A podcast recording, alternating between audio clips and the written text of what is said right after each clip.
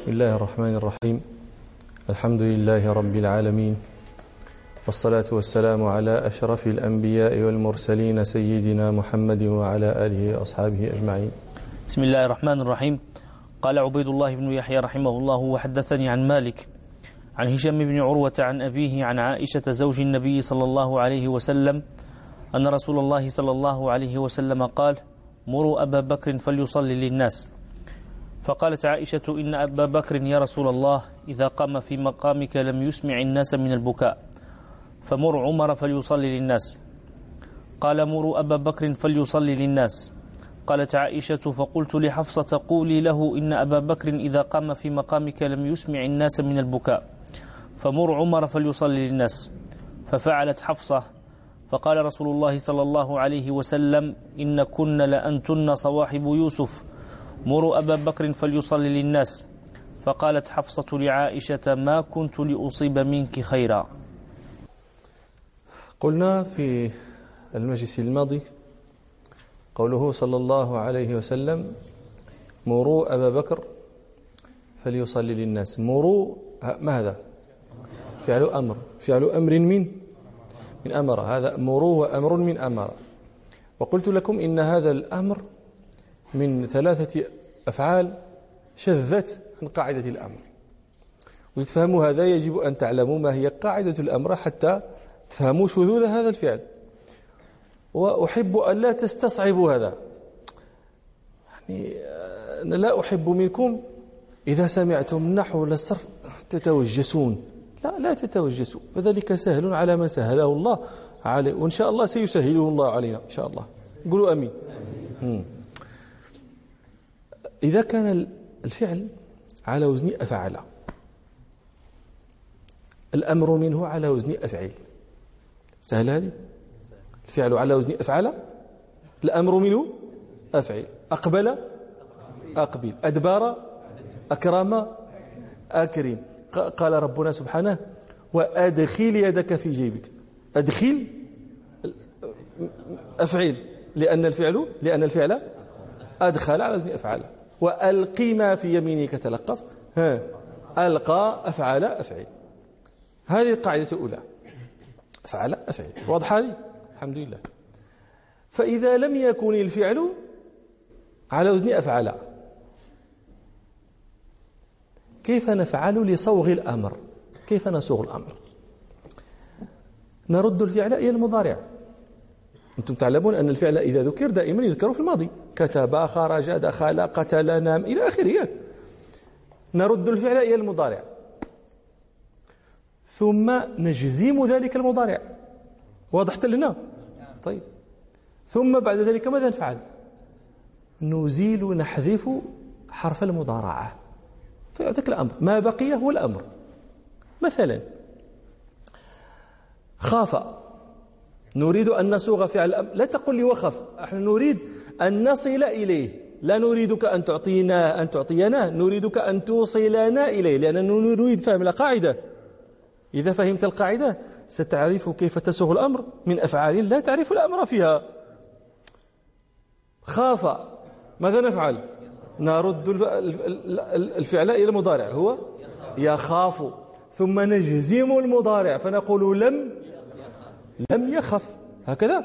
طيب لم يخف. طبعا قلت لكم نحذف ياء نحذف حرف المضارعة. ما هو حرف المضارعة؟ الياء. فيبقى إذا حذف عندك ياء خف. إذا حذفت الياء ماذا ما الذي بقي؟ خف. هذا هو الأمر. سهل هذا الشيء؟ الحمد لله رب العالمين. خف. باع. كيف تفعله؟ كيف تسوغ الأمر؟ ترده إلى المضارع فتقول يبيع. ثم تجزيم المضارع فتقول لم يبيع. ثم تحذف حرف المضارعة فيبقى بيع. واضح؟ خاف بيع إلى آخره. هذه قاعدة الآن ذكرنا قاعدتين. القاعدة الأولى أفعال أفعيل. فما وسوى أفعال. ترد الفعل إلى المضارع وتجزم المضارع وتحذف حرف المضارعة فالذي بقي هو هو فعل الأمر. لكن أنتم لاحظوا معي أن هذه الأمثلة التي ذكرت لكم خاف وباع إلى آخره. عندما نحذف حرف المضارعة قلنا لم يخف حذفنا الحرف الذي بعد حرف المضارعة. متحرك. يخف يقل يبيع. متحرك. لما حذفنا حرف المضارعة بقي أول الكلمة حرفا متحركا. واضح هذا. خف بيع قل. لكن إذا كان الحرف الذي بعد حرف المضارعة ساكنا. مثلا كتب كيف تفعل في صوغ الأمر؟ يكتب ثم تجزيم فتقول لم يكتب يكتب. الآن ستحذف حرف المضارعة. ما الذي سيبقى لك؟ اكتب. والعرب تبتدئ بساكن. لا العرب لا تبتدئ بساكن. فماذا نفعل؟ نحتاج همزة وصل فنقول اكتب. لماذا هذه همزة وصل لماذا احتجناها؟ لأننا بعد أن حذفنا حرف المضارعة بقي لنا أو, أو في أول الكلمة حرف ساكن والعرب لا تبتدئ بساكن. فنقول اكتب. خرج. يخرج. لم يخرج. طيب حذف حرف المضارعة. خروج هذه الدارجة. فماذا نفعل؟ همزة وصل. فنقول أخرج هذه قاعدة الأمر. سهل هذا الشيء أنتم عرفتوا دابا كيف تصوغون عرفتم كيف تصوغون فعل الأمر. ما وجه الشذوذ في هذا؟ أمر. نريد أن نصوغ الأمر من أمر على القاعدة. ماذا نفعل؟ هل أمر على وزن أفعل؟ ها؟ فعل. ما كنت تفكروا بزاف. أمر على وزن فعل. طيب ماذا كيف نفعل في الأمر؟ نصوغ نرده إلى المضارع فنقول يأمر ثم نجزم المضارع فنقول لم يأمر ثم نحذف حرف المضارعة. فيبقى لنا؟ ها؟ أمور. أمور. هكذا. لم يأمر. حذفنا الياء. ما الذي بقي؟ أمور. العرب تبتدئ بساكن فنحتاج نحتاج همزة وصل فنقول أؤمر هكذا؟ هذه القاعدة. لكن هل العرب فعلت هذا؟ النبي صلى الله عليه وسلم ما قال أمروا أبا بكر فليصلي للناس. ماذا قال؟ مروا ماذا فعل؟ ماذا وقع؟ حذفت لما حذف حرف المضارعة وبقيت عندنا أمور. حذفت الهمزة. ها؟ والهمزة هي فاء الكلمة. ياك. حذفت. فلما حذفت ما الذي بقي عندنا؟ ما الذي بقي عندنا؟ مر مر هل نحتاج همزة وصل لا, لا نحتاجها لأن همزة الوصل يؤتى بها للتوصل بالساكن. الآن ليس أول الكلمة ساكنا فنحتاج همزة وصل. لا فبقي مور. إذا هذا شاذ أم ليس بشاذ؟ القاعدة ما لو أردنا أن ننطق بالأمر لقلنا على القاعدة لقلنا أؤمر أؤمر. لكن العرب لم تقل أؤمر إنما قالت مور فحذفت حرف المضارعة وحذفت الهمزة الساكنة. وهذا الشذوذ. مفهوم الآن؟ وهي ثلاثة أفعال.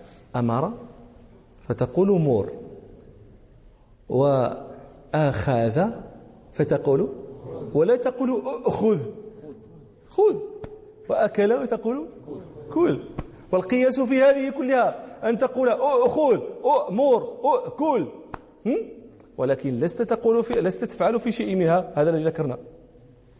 واضح شيء ولذلك قال ابن مالك رحمه الله في لاميته وشذ بالحذف لما ذكره وقال من أفعال أمر أفعيل وعزه لسوى المضارع ذي الحرف الذي اختزل أوله إلى لما ذكر هذه القواعد التي ذكرت لكم. قال بعد ذلك قال وشذ بالحذف خذ وكل ومر. هذه ثلاث أفعال شذت باش بالحذف. حذف ماذا؟ فالكلمة التي هي الهمزة. نعم. وإنما فعلوا هذا في هذه الكلمات الثلاث لكثرة دورانها على ألسنتهم. وأنتم تعرفون أن العرب قوم يكرهون الثقل فكل ما كان ثقيلا عليهم أزالوه. في الكلمات وفي الأعيان. نعم. أن رسول الله صلى الله عليه وسلم قال مروا أبا بكر فليصلي للناس. وهذه قوله صلى الله عليه وسلم مروا أبا بكر فليصلي للناس. هذه أيضا من الأدلة على أن أبا بكر رضي الله عنه أفضل الصحابة رضي الله عنهم جميعا. لماذا؟ لأنه صلى الله عليه وسلم أمر بأن يقدم هو فيكون إمام الناس. ورجع في ذلك. راجعته عائشة. تريد أن تصرفه عن ذلك فلم يرجع. وراجعته حفصة وهو صلى الله عليه وسلم يأبى في كل ذلك إلا أن يصلي للناس أبو بكر. فدل هذا على أنه خيرهم وهم جميعا أخيار رضي الله عنهم جميعا. ثم في قوله صلى الله عليه وسلم مروا أبا بكر فليصلي للناس. هذه أخذ منها أهل السنة. إشارة من الرسول صلى الله عليه وسلم على أن النبي صلى الله عليه وسلم يريد أن يكون أبا بكر أو أن يكون أبو بكر الخليفة بعده. هذا قول أهل السنة. النبي صلى الله عليه وسلم لم ينص على خلافة أبي بكر نصا وإنما أشار إليها إشارات. هذه من أعظم إشاراتها. لماذا؟ النبي صلى الله عليه وسلم مريض وفي مرض النبي صلى الله عليه وسلم وهو مرض مخوف لا يتخلف عنه أحد. وجوه قريش موجودون.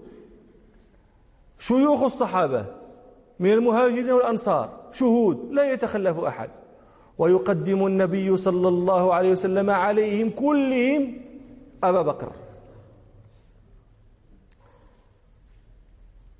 ففهم الناس هذا الذي أراده النبي صلى الله عليه وسلم بتقديمه أبي بكر في مثل هذا في مثل هذا الوضع. فارتضوا لدنياهم من ارتدى من ارتضاه رسول الله صلى الله عليه وسلم لدينهم. فقدموه. ومن إشارة إلى ذلك أيضا ما رواه مسلم عن عائشة رضي الله عنها قالت قال لي رسول الله صلى الله عليه وسلم في مرضه.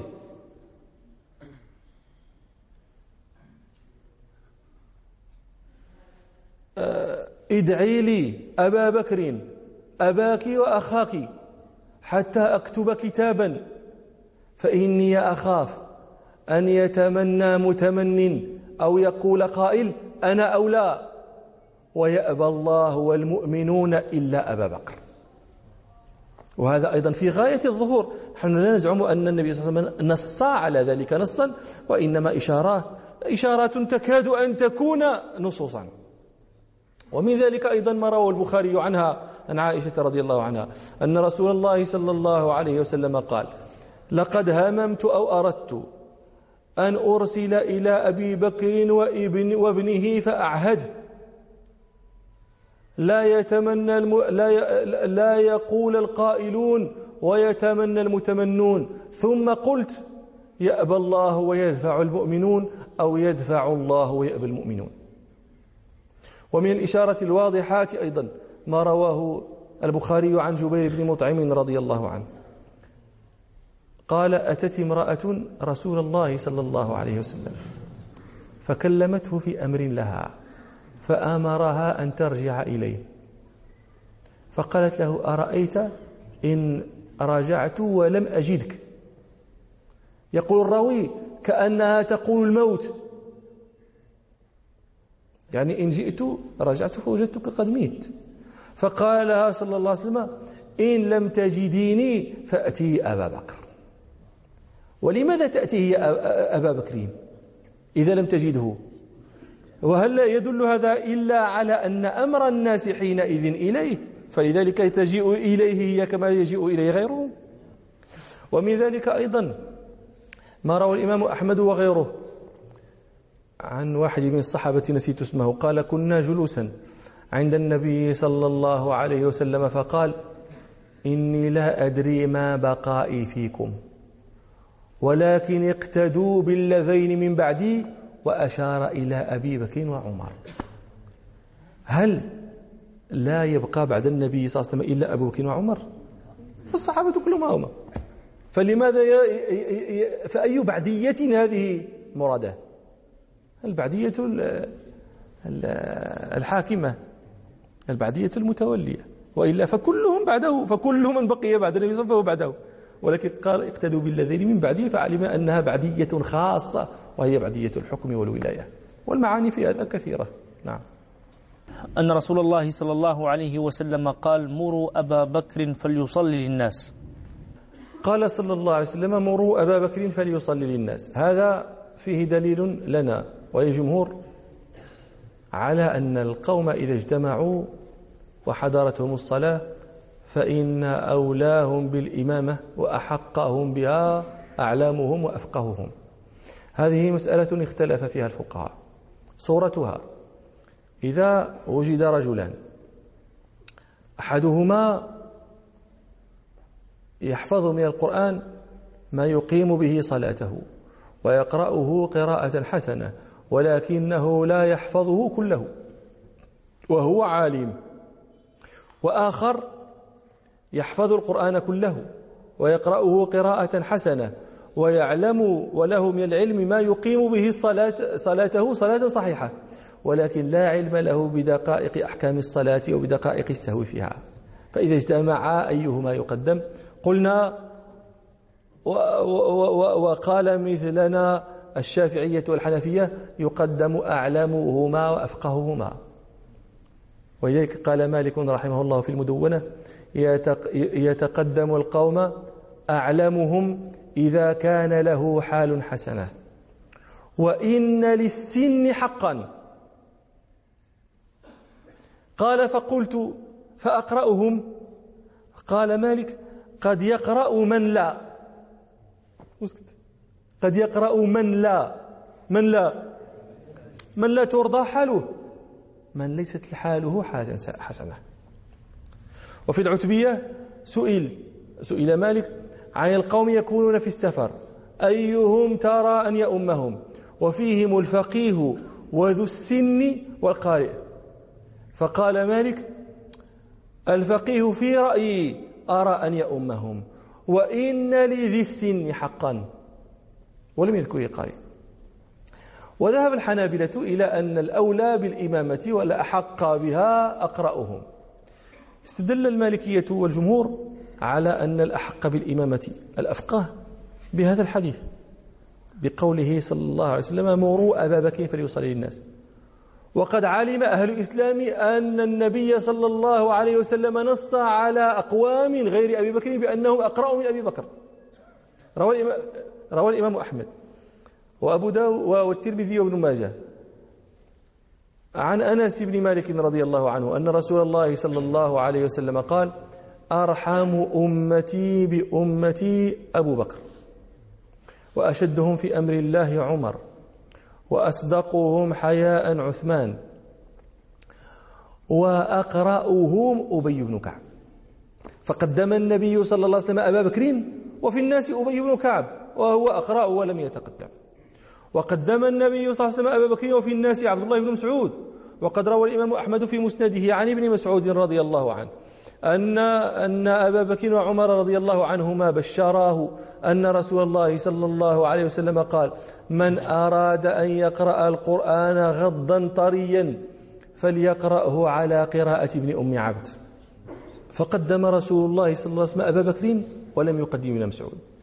وقدم أبا بكر وفي القوم سالم سالم مولى أبي حذيفة رضي الله عنه. وقد روى مسلم عن عبد الله بن عمرو بن العاص رضي الله عنهما أن رسول الله صلى الله عليه وسلم قال خذوا القرآن من أربعة من ابن أم عبد وهو ابن مسعود من ابن أم عبد ومعاذ بن جبل وأبي بن كعب وسالم مولى أبي حذيفة. وقدم النبي صلى الله عليه وسلم أبا بكر وها وفي الناس من نص على من عرف أنهم أقرأ بل نص على أقرأيتهم ومع ذلك قدم أبا بكر فقلنا التقديم إذن للأعلم لأن أبا بكر أعلمه أعلمهم ولا شك في ذلك وليس التقديم للأقرأ. واستدللنا أيضا بما رواه آه، أبو داود وغيره عن أبي هريرة رضي الله عنه أن رسول الله صلى الله عليه وسلم قال الإمام ضامن والمؤذن مؤتمن اللهم أرشد الأئمة واغفر للمؤذنين. فقال صلى الله عليه وسلم الإمام ضامن ومن شرط الضامن أن يكون عالما بأحكام المضمون والمضمون الصلاة. فلذلك كان الأولى الأعلم لأنه أعلم بما يضمن من الأقرأ. استدل الحنابلة على أن الأحق بالإمامة الأقرأ بما رواه مسلم عن أبي مسعود الأنصاري رضي الله عنه أن رسول الله صلى الله عليه وسلم قال يؤم القوم أقرأهم لكتاب الله فإن كانوا في القراءة سواء فأعلمهم بالسنة فإن كانوا في السنة سواء فأقدمهم هجرة فإن كانوا في الهجرة سواء فأقدمهم سلما فقدم صلى الله عليه وسلم الأقرأ واستدلوا بما رواه البخاري عن عمرو بن سليمة عن أبيه رضي الله عنهما أن رسول الله صلى الله عليه وسلم قال آه، فإذا حضرت الصلاة فليؤذن أحدكم وليؤمكم أكثركم قرآنا. فنص صلى الله عليه وسلم على أن المقدم أكثرهم قرآنا. واستدلوا بما رواه مسلم عن أبي سعيد الخدري رضي الله عنه أن رسول الله صلى الله عليه وسلم قال إذا كانوا ثلاثة فليؤمهم أحدهم وأحقهم بالإمامة أقرأهم. واستدلوا على ذلك أيضا بأن صغار الصحابة أموا كبارهم لأنهم كانوا أكثر منهم قرآنا. من ذلك ما رواه البخاري عن عمرو بن سليمة هذا الحديث ذكرت لكم. قال رضي الله عنه كنا بماء ممر الناس. وكانت تمر بنا الركبان فكنا نسألهم ما ما للناس ما للناس ما هذا الرجل؟ فيقولون أي الركبان المسافرون؟ يقولون يزعم أنه نبي يزعمون أن الله أرسله أوحى إليه. فعندما تخبر الركبان بهذا وتخبر بما بما بما كان النبي صلى الله عليه وسلم يوحى إليه به قال فكان ذلك الكلام كان يحفظ ذلك الكلام قال كأنما يقر في قلبي. إلى الحديث إلى أن قال فبادر أبي قومه بإسلامهم. فلما قدم قال جئتكم من عند والله من عند النبي صلى الله عليه وسلم حقا. قال أي النبي صلى الله عليه وسلم قال صلوا صلاة كذا لوقت كذا وصلوا صلاة كذا لوقت كذا. فإذا حضرت الصلاة فليؤذن أحدكم وليؤمكم أكثركم قرآنا. قال فنظروا فلم يكن أحد أكثر قرآنا مني لما كنت أتلقى الركبان. فقدموني بين أيديهم وأنا ابن ست أو سبع سنين. فقدموه وفيهم الشيوخ الكبار لأنه كان أكثرهم قرآنا كان أكثرهم قرآن لأنه كان أكثرهم قرآنا فالعبرة إذن قالوا بالأقرأ. ومن ذلك أيضا رواه البخاري عن ابن عمر رضي الله عنهما قال لما قدم المهاجرون الأولون المدينة موضعا بقباء قبل مقدم رسول الله صلى الله عليه وسلم كان يؤمهم سالم مولى أبي حذيفة وكان أكثرهم قرآن وكان أكثرهم قرآنا. وسالم كان في ذلك الوقت صغيرا. وأجابوا عن استدلال الجمهور عن استدلال الملك. قالوا قوله صلى الله عليه وسلم مروا أبا بكر فليصلي للناس. هذا لا لم لم ترد به الصلاة إنما أريد به الخلافة أجبنا نحن أيضا عما استدل به الحنابلة. أما أما ردهم على حديثنا وأنه أنه مراد به خلافة نعم هذا ذكرناه وهذا لا ننكره. لكن ذلك لكن تلك إرادة ثانية. الإرادة الأولى هي أن يؤمهم الصلاة. والإرادة الثانية المبنية على الأولى هي أن هي أن أن أن, أن يكون خليفة الله ثم كل ما استدلوا به وهي أحاديث صحيحة لا شك فيها. لكن مرجعها كل مرجعها كلها شيء واحد وهو النص على الأقرأ ولا لا؟ ونحن نقول الأقرأ في هذه الأحاديث هو الأعلم. لماذا؟ لأن الصحابة كانوا يسلمون رجالا. فكانوا يحفظون القرآن ويتفقهون فيما يحفظونه من القرآن ويتعلمون أحكام ما يحفظونه. فالأكثر قرآنا أكثر فقها ضرورة. الناس لم تكن تحفظ من غير أن تتفقه. من حفظ شيئا تفقه فيه. فإذا حفظت عشر آيات فأنت أفقه من الذي فالذي حفظ مئة آية أفقه منك. يدل لهذا الذي ذكرت لكم ما رواه الطحاوي والحاكم. عن ابن مسعود رضي الله عنه. قال كنا نتعلم من رسول الله صلى الله عليه وسلم عشر آيات. فلا نتجاوزهن فلا نتعلم العشرة التي تليها حتى نعلم ما في هذه من العمل. هذا ظاهر جدا. يتعلمون عشر آيات يحفظونها. ثم يتعلمون ما فيها من العمل فيتفقهون فيها. معناه الحافظ عشر آيات يعلم ما فيها من العلم. والحافظ مئة آية يعلم ما فيها من العلم. والحافظ القرآن يعلم ما فيه من العلم معناه أن الأكثرهم حفظا أكثرهم علما ضرورة. ويدل لهذا أيضا ما رواه الإمام أحمد. عن أبي عبد الرحمن السلمي رحمه الله قال حدثنا من كان يقرئنا من أصحاب رسول الله صلى الله عليه وسلم أنهم كانوا يقترئون من رسول الله صلى الله عليه وسلم عشر آيات فلا يأخذون في في في في غيرها حتى يتعلمون ما حتى يتعلموا ما فيها من العلم والعمل. قال فأخذنا العلم والعمل. وهذا أيضا صريح جدا. فإذا عندما نتحدث عن القراء فالقراء في ذلك الوقت هم الفقهاء. ولا ينبغي أن يفهم قراءهم كقراء بأنهم بمثابة قرائنا. من يحفظ القرآن كله لكن ليس يفهم منه شيئا. وهذا صريح جدا في هذا الذي ذكرت لكم عن عن أبي عبد الرحمن السلمي وعن أبي مسعود. ولذلك في الحديث الذي رواه البخاري عن ابن عباس رضي الله عنهما قال كان القراء أصحاب مجلس عمر ومشاورته القراء من هم القراء؟ حفظة القرآن. أم الفقهاء؟ هم الفقهاء. بدليل أن منهم ابن عباس. وابن عباس شهرته بالفقه. أكثر من شهرته بالقراءة. النبي صلى الله عليه وسلم بأي شيء دعا ابن عباس؟ بالفقه. فقه هو في الدين. وكان من أصحاب مجلس عمر. علي رضي الله عنه كان من أصحاب مشورة عمر ومجلسه. وشهرة علي بالفقه أكثر من شهرته بالقراءة. فلذلك نقول إن الأقراء معناه الأعلام والقراء هم الفقهاء وهذا صريح في هذه الأحاديث التي ذكرنا. ثم نتنزل جدلا مع الحنابلة رحمة الله على جميع علماء المسلمين. نتنزل جدلا على أن الأقراء المراد به الأكثر حفظا بغض النظر عما يعلمه مما يحفظه.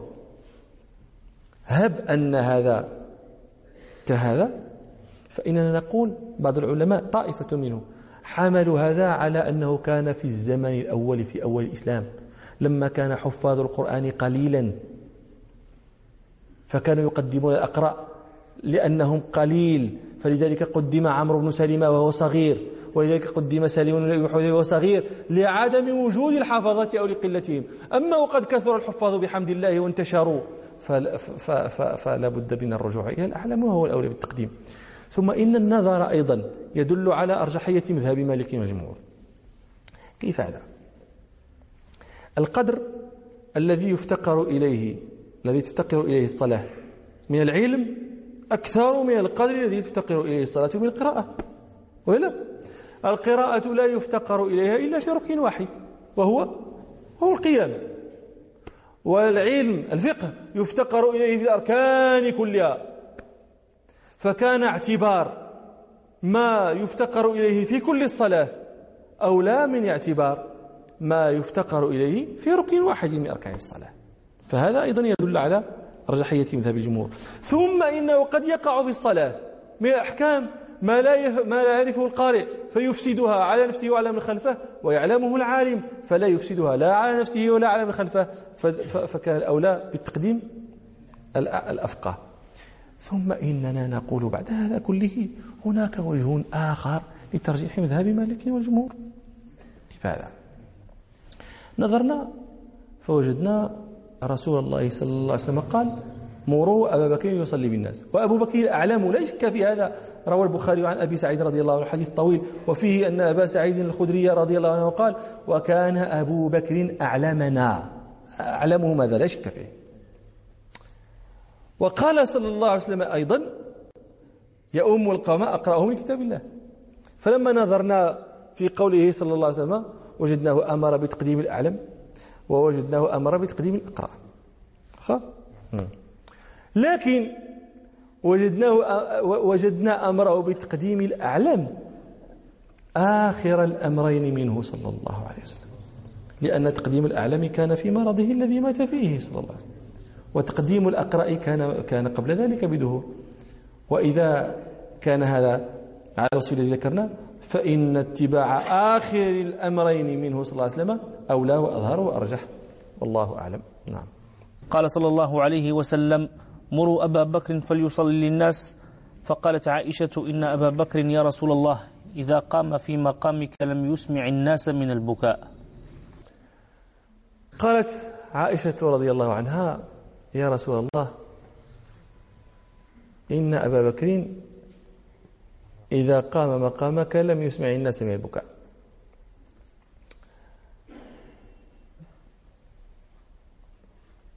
لأنه رضي الله عنه كان كما في في رواية كان رجلا أسيفا.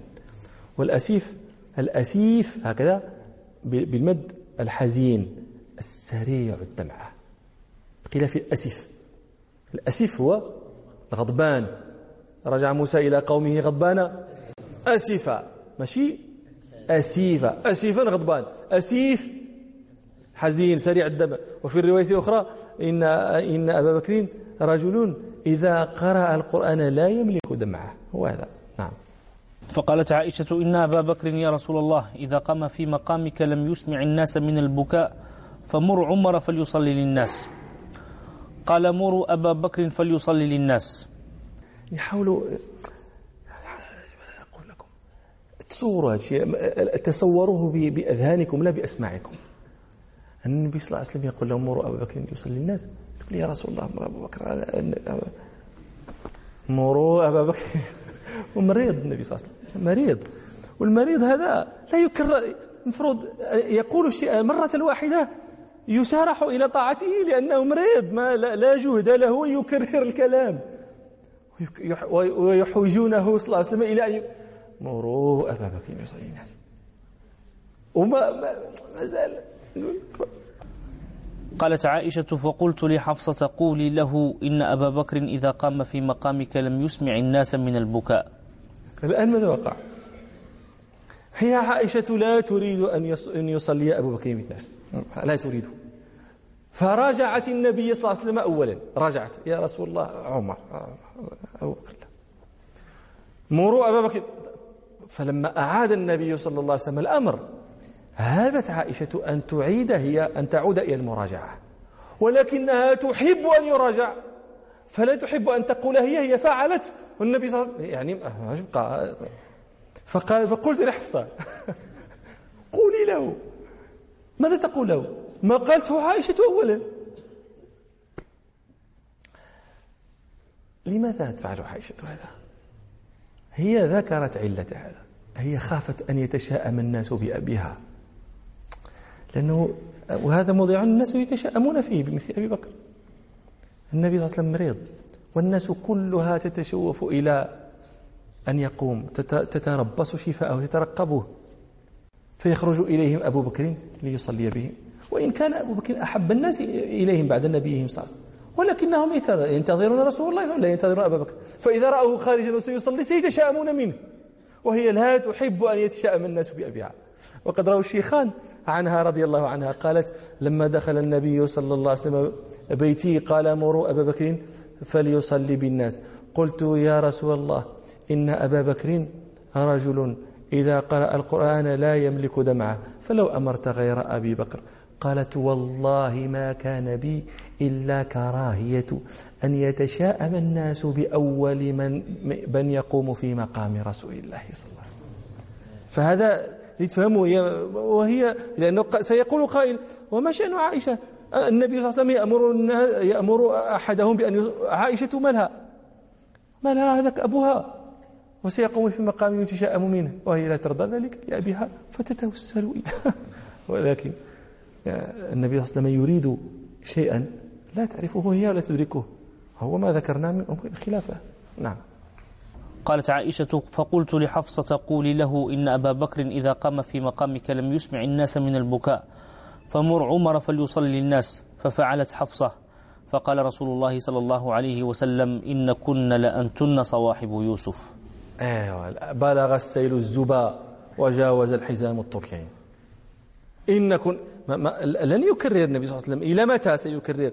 مروا أبا ما كرر مرتين. إن كنا لا ففهمنا فهمتا أن القضية الآن ليس فيها مجال للمناقشة. ومن ومن صواحب يوسف؟ صواحب جمع صاحبه. من صواحب يوسف؟ عليه السلام. ومن المقصود إن كنا أنتن صواحب يوسف.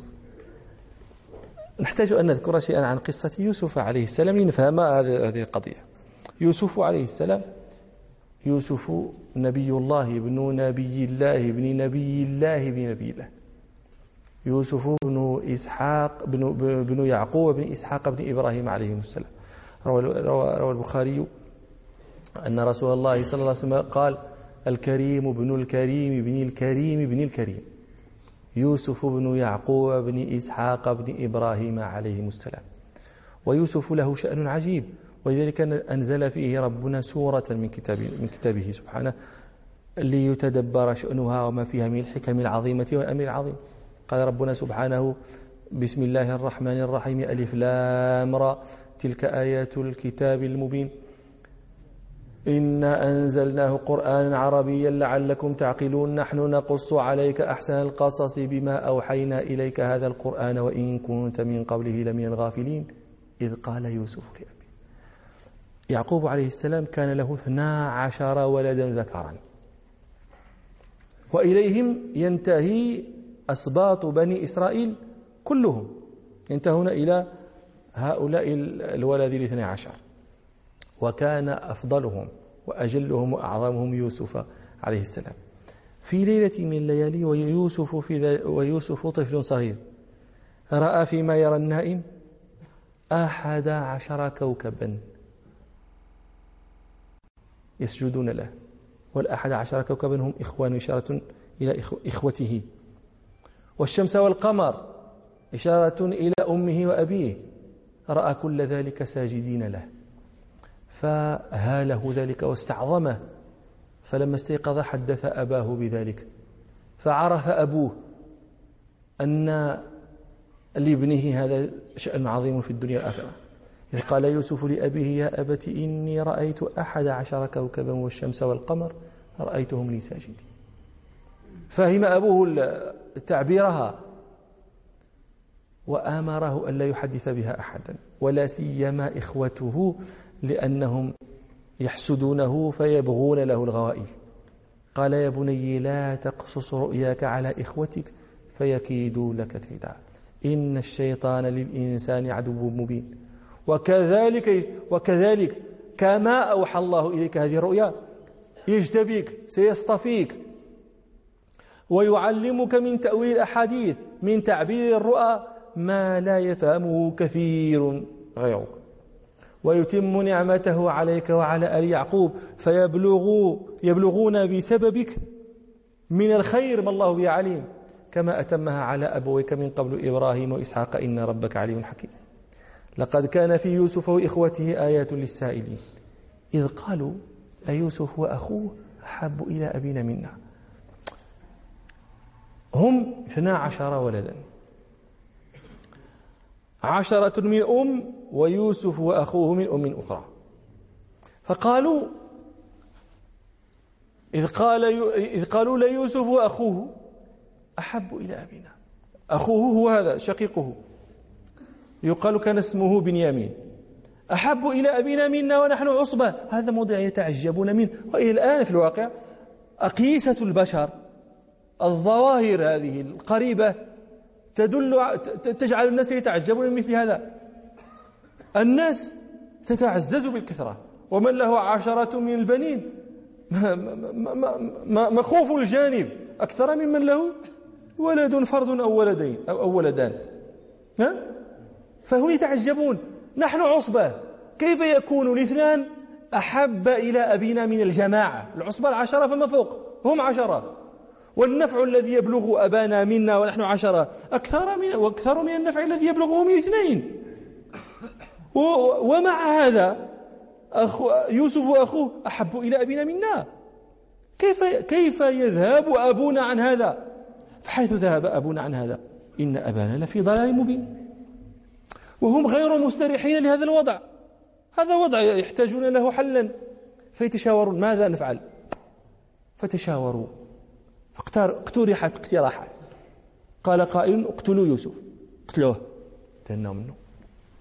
قال آخر لا. اطرحوه أرضا. اذهبوا به بعيدا بحيث لا ترونه ولا يراكم. وقال أحدهم هذا أحسنهم طريقة هذا قال ألقوه في البير. في قاع البير. وأي بئر؟ أصلا تفهموا الكلام. أنا دائما أقول للناس تلقوا القرآن بذهن بذهن متوقد. يقظ. ماشي ناعس. تسمع القرآن وأنت في الناس لا في أين البير؟ في وسط القبيلة. بحيث إذا صاح سمع. البير في الفلوات الصحاري. لو ترك في الصحراء من غير أن يجعل في البير لكانت لكان لكان تركه هناك قامينا بأن يهلك ويفنى ويموت. إن لم يكن الذئب في الأسد أو الجوع أو فكيف بقاعر بئر؟ في الصحراء وعندما يقولون غيابات الجب تفهمون أنه بئر شطون عميق. قالوا اقتلوا يوسف أو اطرحوه أرضا. يخلو لكم وجه أبيكم يتمحض لكم حبه. حينئذ لن يجد من يحب سيحبكم أنتم. كأنه لن يتذكر أن هؤلاء هم الذين فرقوا بينه وبين ابنه يوسف. لا رأى ثم تتوبون بعد ذلك. يعني إذا فعلتم هذه الفعلة الشنعاء هذه السوءة السوءة توبوا بعدها. وتكونوا من بعده قوم صالحين. قال قائل منهم لا تقتلوا يوسف وألقوه في غيابات الجب. يلتقطه بعد السيارة. قد يكون يوسف محظوظا فتمر قافلة بجانب هذا البير فيأخذونه وأنتم في جميع الأحوال. تستريحون منه. فأعجبهم هذا الرأي. وشرعوا في تنفيذ الخطة. قال قائل منهم لا تقتلوا يوسف وألقوه في غيابات الجب يلتقطه بعد السيارة إن كنتم فاعلين. تنفيذ الخطة. أظهروا لأبيهم أنهم حريصون على يوسف وأنهم يريدون أن يمرح ويلعب ويجري. فلماذا لا تتركه معنا؟ يذهب معنا نحن سنذهب وهو أيضا يلعب معنا. قالوا يا أبانا ما لك لا تأمنا على يوسف؟ وإن له لناصحون. أرسله معنا غدا يرتعي ويلعب. وإن له لحافظون. انظروا انظروا الجملة المؤكدة. إن التي تدعو حرف التقديم والتأخير. له لحافظون ماشي لحافظون له. ولا بالتأكيد. هو الكذوب. هذا الشيء كله التأكيد. وكله وهم كاذبون. الشيخ يعقوب عليه السلام لا يستطيع مفارقة ابنه ساعة واحدة ولا سيما بعدما ظهر له مما من الشأن الذي سيكون له.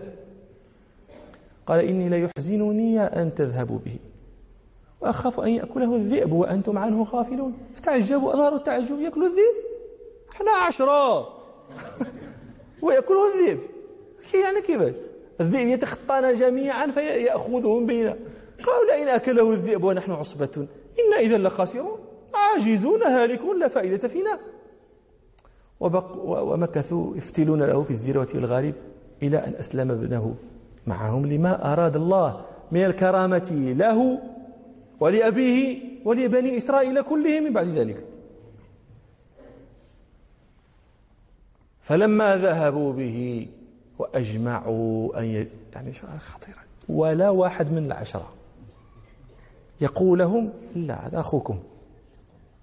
ولا واحد. أجمعوا أن يجعلوه في غيابات الجب وطرحوه في القعر. وعناية الله تدرك رحمة الله على البصيرين. عناية الله أغنت عن مضاعفة من الدروع وعن عال من الأطم. إذا كانت معك عناية الله فنم. قعر البير فخا البير. بير في صحراء ظلام الصحراء وظلام البير ظلام الليل وظلام البير والوحدة والخوف من الغرق في البير ولا الموت ولا حية تكون في البير ولا. وفي تلك اللحظة يوحي الله يوحي الله إليه. فلما ذهبوا به وأجمعوا أن يجعلوه في غيابات الجب وأوحينا إليه لتنبئنهم بأمرهم هذا وهم لا يشعرون. بهذه اللحظة. ما معنى ما معنى ستنبئهم؟ معنى ستخرج بعد لن لن تموت هنا. معاذ الله. لن يتركك ربك لن يتركك الله لتموت هنا. لتنبئنهم ستخرج وستنجو. وسيكون لك مقام يحتاجون فيه إليك فتنبئهم بما فعلوا وأنت غالب وهم مغلوبون. وأنت مطمئن وهم خائفون. ثم رجعوا يكملون التمثيلية على أبيه. يقنعونه بأن الذئب أكل يوسف. متى سيجيئون؟ يجيئون عند ذهاب ضوء النهار. حتى إذا ظهرت على وجوههم علامة الريبة والكذب لا يوجد الضوء الذي يفشي ذلك منهم فجاءوا عشاء. إذا كان قنديل أو شمعة يتكلموا معاه من البعيد. فجاءوا وجاءوا يبكون. وأخذوا قميص يوسف. يعني ما. ما تركوا له قميصا. حتى القميص حيدوا لي. في البير عريان. أخذوا القميص ولطخوه بدم. وجاءوا وجاءوا أباهم عشاء يبكون. قالوا يا أبانا إنا ذهبنا نستبق. وتركنا يوسف عند متاعنا عند ثيابنا. فأكله الذئب. هذاك الشيء اللي قلت لنا؟ وهذا مما استدل به هو على كذبهم. ذلك الاقتراح الذي اقترحه لهم. وقلت له قول طاح في البير. لا قلت لا قلت لا اني اخاف أخاف أن يكون ذئب كلا ذئب فأكله الذئب. وما أنت بمؤمن لنا؟ لن تصدقنا. ولو كنا صادقين. لو كنا صادقين غير متهمين عندك فلن تصدقنا. فكيف ونحن متهمون عندك؟ وجاءوا على قميصه بدم كذب. الدم كذب جعله ربنا نفسه كذبا ماشي دم هو في الأصل دم مكذوب. لظهور هذا الكذب جعله كذبا هو نفسه هو نفسه. قالوا في التفسير لأن القميص لم يكن مخرقا. غفلوا عن تخريق القميص. واش هذا الذيب هذا؟ الذي سيأتي إلى يوسف وينزع عنه قميصه ثم يفترسه. ماذا؟ ولذلك قالوا آفة الكاذب النسيان. إذا كنت كذوبا فكن ذكورا. قال بل سولت لكم أنفسكم أمرا. فصبر جميل. هو فاهم لم يرج عليه كذبهم. للقرائن القديمة من حسدهم له. حتى قال هو لا تقصص رؤياك على إخوتك فيكيد لك كيدا هو يتصور منهم الكيد ليوسف. هذه قرينة. ثم ثم القرينة الأخرى أن الرؤيا التي رآها لابد من تحققها. فإذا يوسف لم يموت بل سولت لكم أنفسكم أمرا. فصبر جميل. والله المستعان على ما تصفون وإلى مجلس آخر إن شاء الله. سبحانك اللهم وبحمدك أشهد أن لا إله إلا أنت أستغفرك وأتوب إليك. والحمد لله رب العالمين.